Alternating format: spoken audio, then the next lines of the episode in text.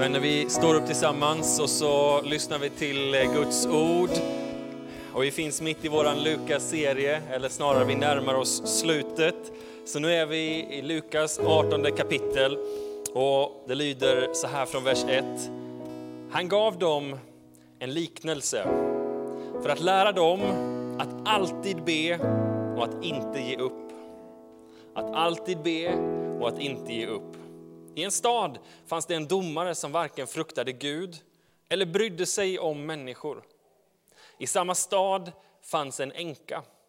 Och hon kom gång på gång till honom och sa, låt mig få ut av min, mot, av min motpart det som jag har rätt till. Till en början ville han inte, men sedan tänkte han, inte för att jag fruktar Gud eller för att jag bryr mig om människor, men så besvärlig som den där änkan är ska jag låta henne få ut vad hon har rätt till. Annars pinar hon livet ur mig med sitt springande. Och Herren sa, där hör ni vad en orättfärdig domare säger.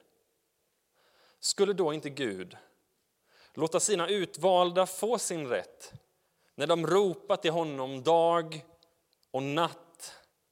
När de ropar till honom dag och natt. Skulle han då låta dem vänta? Jag säger till er, han ska snart nog låta dem få sin rätt. Men Människosonen, ska han finna någon tro här på jorden när han kommer? Herre Jesus Kristus, tack för ditt ord. Tack för ditt ord och för att det idag ger oss liv. I ditt namn, Amen. Varsågod och sitt.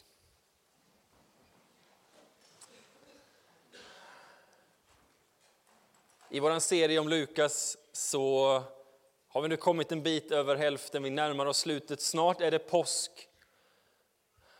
Då ska vi tillsammans läsa texterna om Jesu död, lidande och uppståndelse.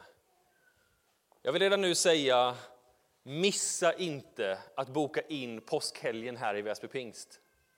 Se till att det här blir en helg som du firar ordentligt. Låt det här få vara en tid då vi inte bara åker bort någonstans, utan att vi åker till någonting där vi firar påsken och vad den egentligen är. Skriv in det i din almanacka och låt oss tillsammans fira Jesu uppståndelse. Men ännu är vi inte riktigt där, utan nu talar Jesus om bön. Den här texten ska tala utifrån tre punkter. För det första, rättfärdighet och rättvisa. Rättfärdighet och rättvisa. För den andra delen, hur ska vi då be om detta? Och för det tredje, Guds rike. Hur ska vi förhålla oss till det och be om Guds rike? Så det handlar om rättfärdighet, det handlar om bön och det handlar om Guds rike. Vänner, det där med rättvisa, det är inte enkelt. Det är, det är faktiskt en av de sakerna som jag tycker är, är svårast eh, med att vara förälder. Och om du har funderat på att skaffa barn, då ska du veta att det finns mycket glädje med det. Men det finns också en hel del svårigheter. Åtminstone i den här liksom låg mellanstadieåldern och ett tips från coachen här, det är att redan på förhand införskaffa ett par, tre saker. Skaffa ett decilitermått. Se också till att skaffa en sån här våg som mäter på milligrammet. Och en bok att anteckna allting som händer under dagarna gällande dina barn. Min mamma, hon eh, hade en bok hon kanske fortfarande är kvar den, skulle vara kul att läsa i den.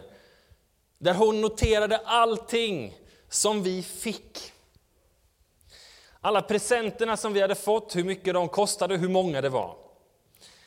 Så att hon nästa gång det var någons födelsedag skulle kunna läsa den här boken och se hur mycket det kostade och hur många det var, så att det skulle bli lika då för alla barnen. Det där med rättvisa är faktiskt någonting som jag har tänkt att mina föräldrar hanterat ganska så bra så inte anade väl jag att när vi själva fick barn att det skulle vara en sån kamp med rättvisa. Det finns ju tider då, då man inte ägnat mycket annat än att mäta liksom, med det här decilitermåttet. På lördagarna när vi har O'boy, då har vi O'boy. Att hälla upp så att det är exakt lika mycket i de här. Liksom. Det finns ju ett knep, det är också ett knep som man kan skicka med, det är att den ena får hälla och den andra får välja. Det är bra. Då blir det millimeterprecision. För den som väljer är alltid den som väljer med mest i och den som hellre vill då se till att det liksom blir jämnt. Det är ett sånt här knep. Vi hade en, en, en, en tid då vi eh, hade problem med vem ska sitta fram i bilen. Är det någon mer som känner igen det? Vem ska sitta fram i bilen? Precis. Jag kommer nog ihåg att jag också hade den önskan när jag var liten. Sitta fram. Det, det verkar vara som att det där är någon sån där. Nu har vi sagt att inga barn sitter fram i bilen. Det var en lösning på den saken. Men det fanns en tid då de fick sitta fram i bilen. Problemet är att jag och Linn glömmer ju bort det här. Vem satt fram igår och sådär? Vi vet inte. Men de håller koll. Problemet är ju när de minns olika. Då får vi krig i bilen. Och sen så var det så att när vi flyttade till huset där vi är nu, då är det kodlås. Och det är ju jättespännande att trycka koden till kodlåset. Så då skulle vi både komma ihåg vem skulle sitta fram i bilen och vem skulle gå först till dörren och slå kodlåset. Och det var inte samma person, utan det var olika. De här rättvisefrågorna kan ju tära. Och till slut så sliter man sitt hår och känner finns det inget annat att fokusera på i livet. De här sakerna är självklart små. Men visar lite grann på att rättvisa är svårt. För, för, frågan är, vad är egentligen rättvisa? Är det mest rättvist att ge lika mycket O'boy till alla? Eller är det mer rättvist att ge lite mer till den som är äldst, eftersom att den faktiskt är större och därmed har behov av mer O'boy?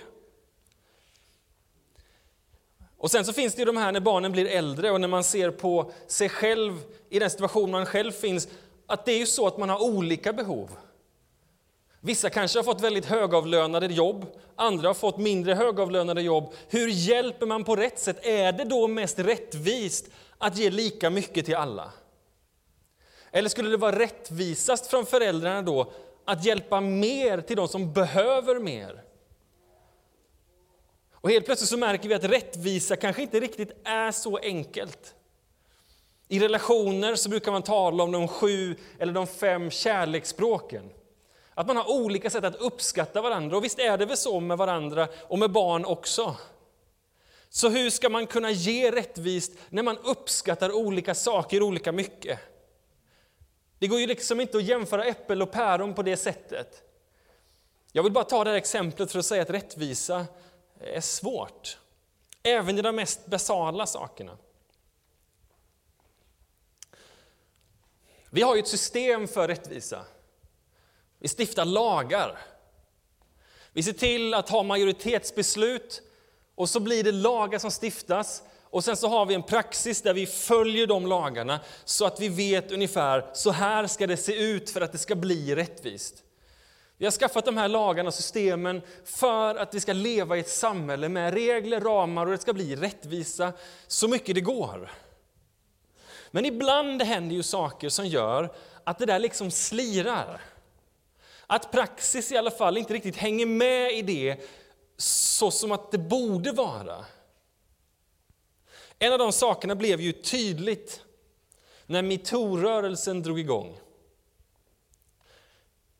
Där kvinnor primärt anklagade män för sexuella övergrepp en lång rad sådana som kom upp. Jag kommer ihåg när jag satt på Facebook och det där började poppa upp. Det ena efter det andra. Den har gjort det mot mig. Den har gjort det mot mig. Och så skickar någon till metoo, metoo, metoo. Alla som var med i den vågen kommer säkert ihåg vad som hände på era liksom, väggar när man följde de här flödena. Överallt poppade det upp och så blev det i media Och Det är ju någonting med det där som är väldigt bra. Att man får lyfta på locket, att man får säga och liksom berätta om alla de övergrepp som har varit. Att få säga och liksom säga det här har inte hängt med i lagstiftningen. Det här har liksom inte fångats upp av vårt rättsväsende. De här sakerna har glidit undan. Men på samma sätt kommer också frågan upp, hur vet vi vad det är som egentligen har hänt? Många saker var väldigt länge sedan det hände och, och varje egen person har sin berättelse. Men lika många personer som har varit på en plats, lika många berättelser finns det av vad det var som egentligen har hänt. Självklart äger man rätten av sin egen berättelse, rätten av sin egen upplevelse. Men vad är det som egentligen hade hänt? Ja, det är ju svårt att svara på den frågan. Det är därför vi egentligen har domstolar som ska försöka granska detta. Men när folkdomstolen träder in, då nåde dig. Då är det den svagaste parten som ska lyftas. Oavsett om den personen har rätt story eller inte, så är det den parten som ska lyftas. Och i svallvågorna av metoo så ser vi ju människor som blev falskt anklagade. Vi såg människor som också blev av med sina jobb, som blev av med sitt rykte. Och vissa av de där storiesarna som kom, kanske hade de gjort saker som var hemska, kanske de hade gjort saker som var fel, absolut. Men vissa av dem där valde att till och med gå så långt som att ta sitt eget liv.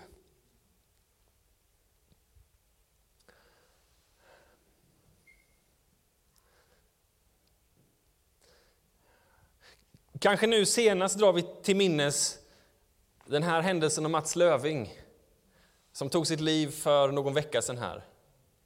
På grund av ett drev som har varit emot honom. Folkopinionen har sagt vi måste ha någon att hänga. Någon måste stå till svars. Och visst kanske det var rätt. Men opinionen tystnar när de här människorna tar sitt liv. Och helt plötsligt kommer en annan opinion som säger det motsatta och som vill ha andra att hänga ut. Och där står vi och undrar, vad är sant? Tillsammans med Pilatus säger vi, vad är sanning? Och väldigt många gånger vet vi inte det. Väldigt många gånger så står vi där och vi kan faktiskt inte skipa rättvisa, för vi har ingen aning om vad det är som har hänt. Hur ska vi kunna säga detta är rätt och detta är fel när vi inte var där? När vi bara kan tolka andras erfarenheter i efterhand. Det jag säger nu är alltså ingen utvärdering eller bedömning av enskilda människors berättelser, utan mer att lyfta komplexiteten i att faktiskt döma överhuvudtaget. De senaste tio veckorna har jag varit på en skola och jag har undervisat i historia. Fantastiskt att få träffa så många elever, också ganska utmanande får man säga. Och då har vi undervisat om första världskriget och är inne på andra världskriget just nu. Och här finns det en historia som för mig, jag berörs lite extra av den. När första världskriget drar igång så är det ententen mot centralmakterna. Ententen, det är Frankrike, det är England, det är USA och det är Ryssland. Centralmakterna det är Tyskland, Österrike, Ungern, det är Italien och sen så har vi även det som är Turkiet nu, men som då hette Osmanska riket. Osmanska riket är ett muslimskt land, men de har en stor minoritet som är kristna. De bor i en del som heter Anatolien, som är nordöstra delen i Turkiet. Anatolien är det, den region som Petrus var och evangeliserade i. När han skriver Petrusbrevet så är det skrivet till Anatolien. Där fanns det kvar en stor grupp kristna. När första världskriget drar igång så ställer sig osmanerna på tyskarnas sida. Men ryssarna är ju då osmanernas största fiender. Ryssarna är kristna och turkarna börjar tänka att de här armenierna, de kan vända oss ryggen och gå över på ryssarnas sida för att de är kristna också. Så de börjar planera att eliminera det här folket. Så de eh, börjar fundera på något som de kallar för den slutgiltiga lösningen. Där de tar de här folkgrupperna, det här folket, och de börjar att deportera dem från de här norra regionerna. Söderut, ner mot Medelhavet och sen in mot Irak och in mot Iran, in i öknen. Det är deras plan. På vägen så får de ingen mat, de får ingenting. Och allt eftersom så börjar de skjuta alla män. De tar dem åt sidan och de skjuter dem. Av enda anledningen för att de är kristna så tar de dem åt sidan och så skjuter de dem. Så männen börjar klä sig i kvinnokläder. Männen börjar klä sig i kvinnokläder så det ser ut som att det är ett helt tåg med bara kvinnor. Men soldaterna går och de börjar granska alla. Lyfter på mössor och sjaletter och kollar liksom vad som finns under och över och ser, ah, där var en man, de tar den åt sidan och skjuter. På det här sättet så dog ungefär tre fjärdedelar av hela den armenska befolkningen. En och en halv miljon människor massakreras och dödas på det här sättet. Vi vet väldigt lite om det här folkmordet, för man släppte inte in journalister. Och media var väldigt tidigt ute då, så att man, eller var väldigt ung då, så man har inte så mycket dokumenterat heller. Men vi har berättelserna från några som överlevde. Vi har berättelser från de som svalt, de som, de som fick se andra som svalt ihjäl. De som har sina föräldrar som blev skjutna. Vi har berättelser från de som säger allt det hemska som hände på den här djävulska vandringen från Anatolien och in i Iran, Irak.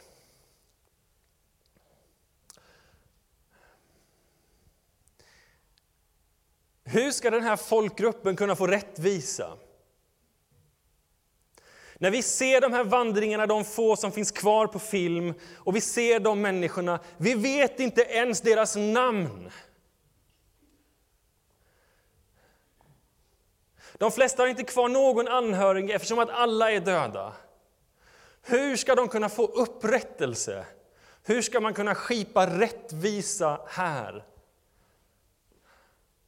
Saken är den att samhället där inte ens erkänner att detta har existerat. Turkiet vill säga det här, folkmordet har aldrig ägt rum. Den svenska riksdagen har fattat beslut om att erkänna att det här har skett. Tror ni vi kommer säga det nu? Tror ni vi kommer säga det nu? Jag tror inte det. Därför vi vill ha goda relationer med Turkiet. Så hur ska de få rättvisa? Vad är hoppet för det? Och så inser vi att definitionen av rättvisa är svårt. Det är svårt att veta vad som har hänt. Och det är väldigt svårt att i efterhand ge någon rättvisa. Så hur ska vi kunna nå ett rättvist samhälle? Det är det som den här texten handlar om. Att banka på dörren hos domaren en gång, två gånger, tre gånger. Be om rättvisa. Hur ska rättvisa kunna skipas i det här samhället? I den här världen där vi finns, det finns hos oss, hos var och en, en djup längtan, en hunger efter rättvisa. Jag tror att det är det som finns hos barnen. Det är nedlagt där, vågar jag påstå, av Gud själv. Det finns en självisk dimension av det. Jag vill ha mest O'boy, jag vill sitta fram, jag ska gå och liksom öppna dörren. Jag, jag, mig, mitt, å ena sidan. Å andra sidan finns det den här delen som längtar efter rättvisa i världen. Som säger det här är rätt och det här är fel och att det måste finnas ett rätt och ett fel. Och att vi kan inte acceptera en värld som är orättvis. Ett barn som ser orättvisa vänder sig inifrån och ut och säger vi måste få se rättvisa. Jag tror, ja, jag vågar påstå att det där är någonting som är nedlagt i oss av Gud själv. Ett spår av evigheten som finns kvar. Även om vi inte kan tro på en Gud, även om vi inte ens tror att det finns något övernaturligt, så är detta ett vittne inom oss som säger evigheten eller någonting kom och skipa rättvisa. Den hungern finns hos oss. Så hur ska vi be? Hur ska vi då be? Och här finns det två saker som jag vill säga. För det första, våran bön skiljer sig otroligt mycket från den, östortodox, eller från den, från den österländska sättet att meditera. Och för det andra, vi ska påminna oss själva om detta. Att meditera, det handlar om att tömma sig själv, sitt hjärta från allt det som finns, tömma sinnet och söka sitt inre. Töm dig själv, sök energierna och finn dig själv i ingenting. Kristen tradition handlar om det raka motsatta. Kristen tradition handlar om att meditera på någonting. Och när vi mediterar på någonting så är det Guds sanningar som vi mediterar. När vi kliver in i bön så kliver vi in i någonting som vi säger, detta är sant och om det är sant så händer någonting med oss. Vår bönebok heter Saltaren. Saltaren har 150 salmer och inleder med en vägledning kring vad detta är för någonting. Och så här står det i psalm 1. Lycklig den som inte följer de gudlösa, inte går syndarens väg eller sitter bland hädare, utan vad då? Utan har sin lust i Herrens lag. Han läser den dag och natt. Han är som ett träd planterat nära vatten. Det bär frukt i rätt tid, aldrig vissnar bladen. Allt han gör går väl. Att ha sin lust i Herrens lag. Detta är ingången till vad bön är för någonting.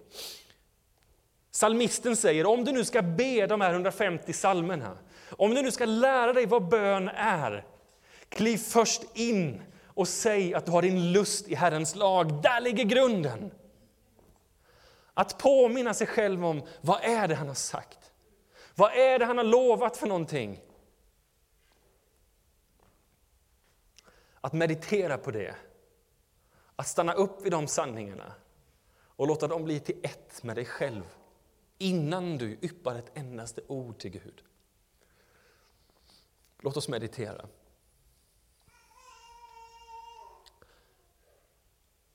Gud säger att han har skapat himmel och jord. Gud säger att han har skapat dig till sin avbild, till att vara lik honom.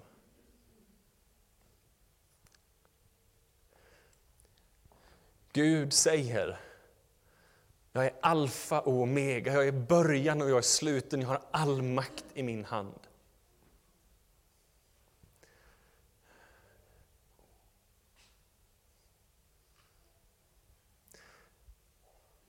Visst är vi skapade till hans avbild, men vi vet också att vi har fallit. Att vi har sårat både oss själva, vår omgivning och Gud. Men så står det, ty så älskade Gud världen att han utgav sin enda son för att den som tror på honom inte ska gå under utan ha evigt liv genom honom. Att Gud sände inte sin son för att döma världen utan för att världen skulle ha liv genom honom.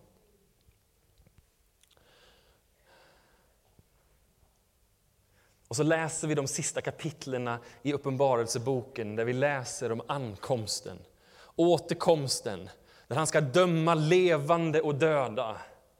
Där all makt finns i hans händer. Vi skulle kunna hålla på så här hur länge som helst och bara citera bibelord efter bibelord, sammanhang efter sammanhang och bara stanna upp inför dem och inse vem Gud är. Inse vem jag är och inse vad det gör med mitt sätt att se på mig själv, på omgivningen och i det här fallet att be.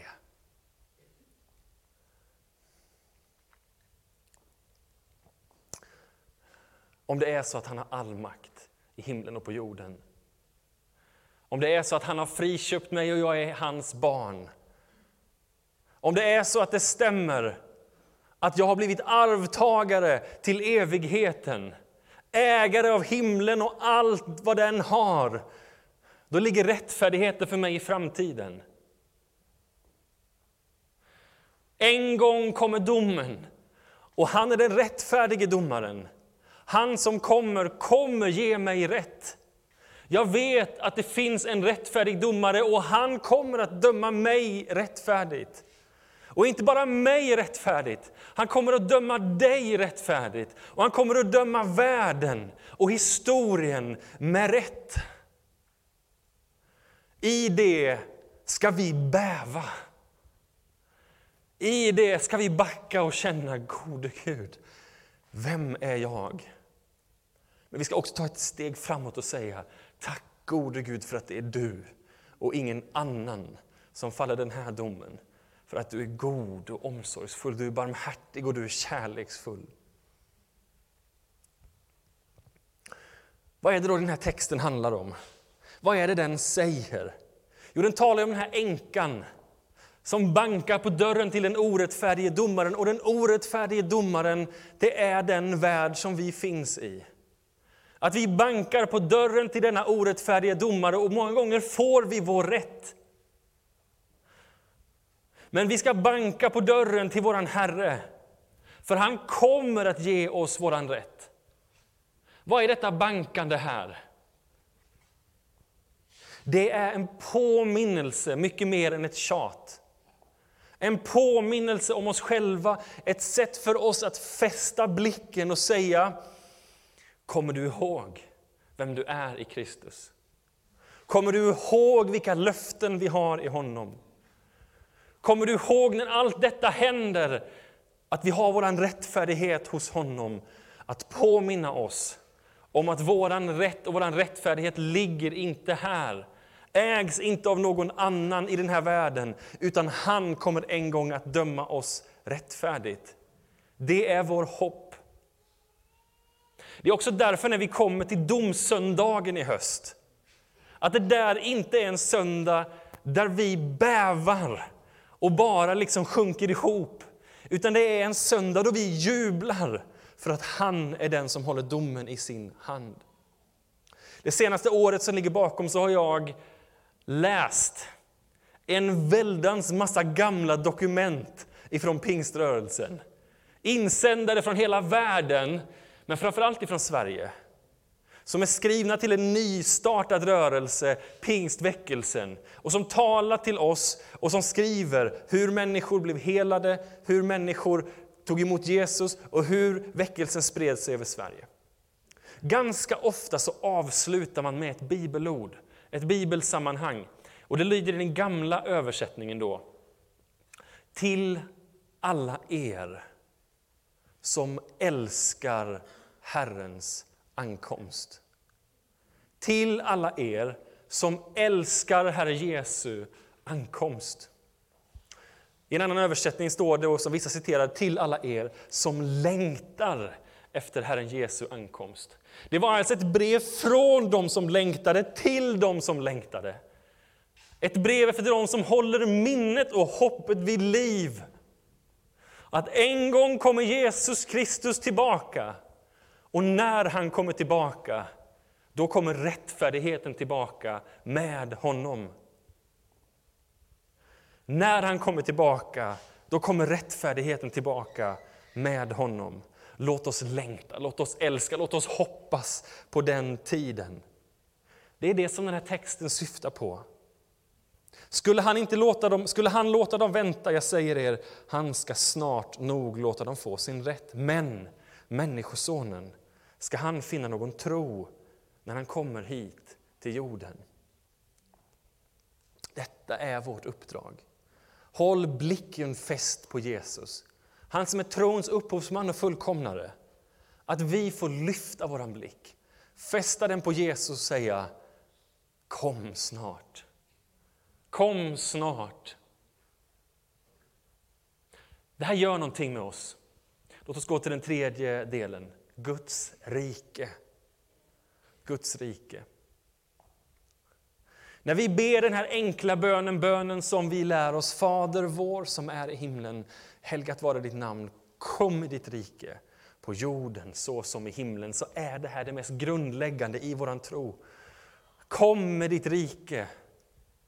Det handlar om att vi ber att hans rättfärdighet ska komma. Och i det så står vi i en spänning, en spänning som är dubbel. Alltså vi står både i det här att vi vill att det ska komma en dom. Så vi säger det finns någonting som är rätt och det finns någonting som är fel. Vi kristna håller den delen högt och säger det finns ett rätt och det finns ett fel och det är viktigt för oss att säga det. Samtidigt vet vi också att nåden finns hos honom och att kraften att förlåta finns hos honom.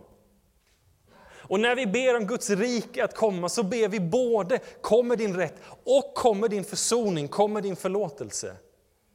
Det är därför som vi står kluvna till metoo-rörelsen. Vi står kluvna till den därför vi ser att domen kanske var rätt, men nåden fanns inte där. Så vi ber, kom med ditt rike. Kom med din rätt och kom med din försoning. Kom med båda delarna och låt det få bli så här. Att tala evangelium in i samhället. Att få bli de som vittnar om ett annorlunda rike.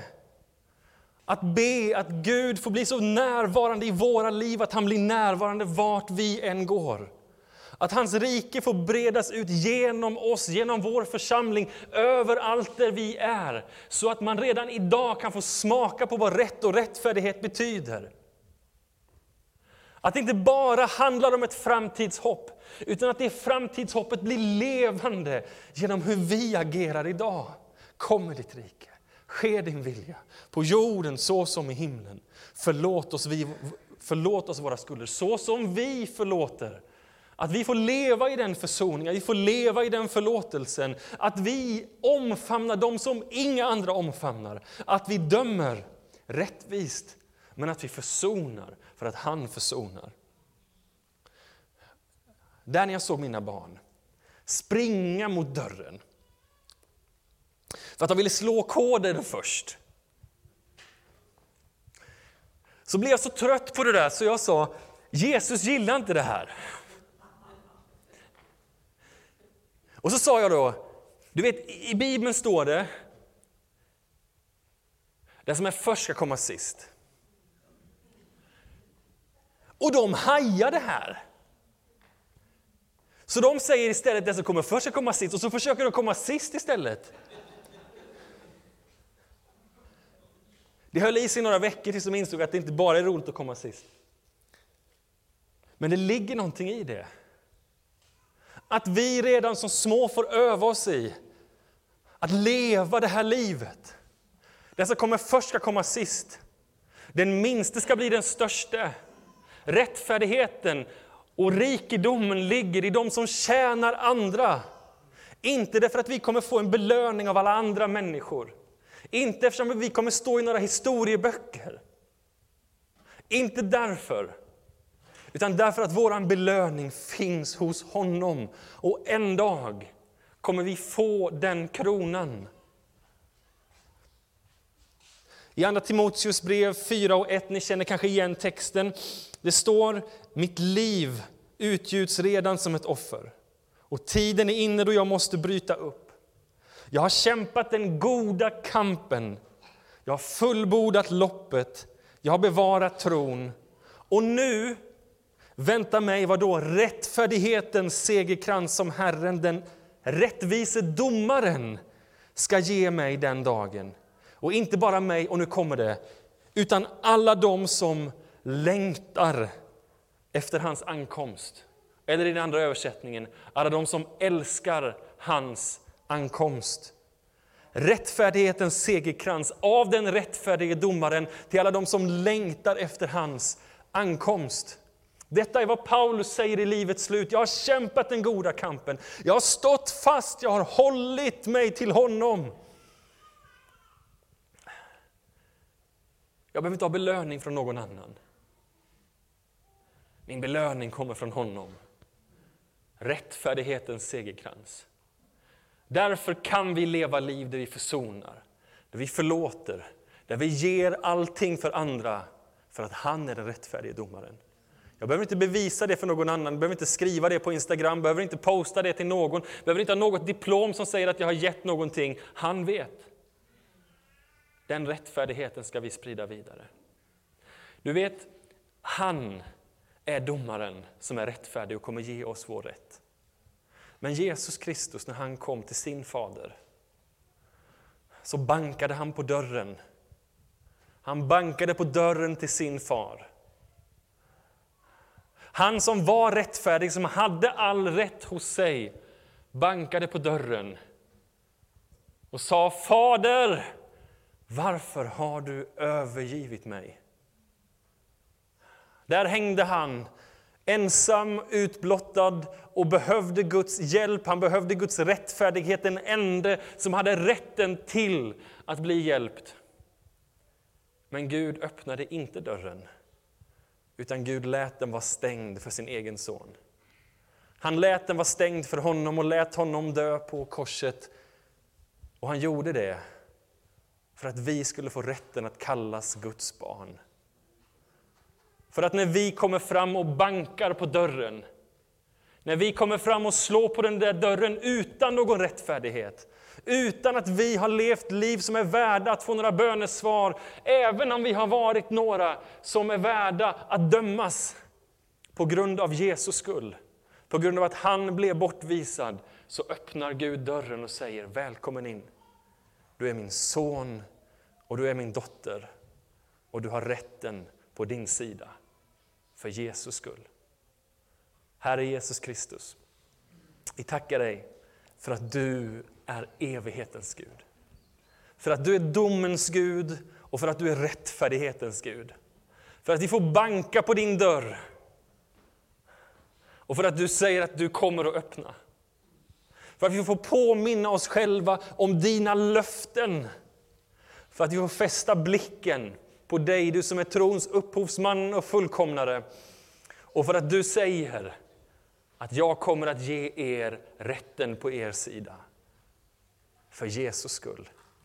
Du min son och min dotter. Amen.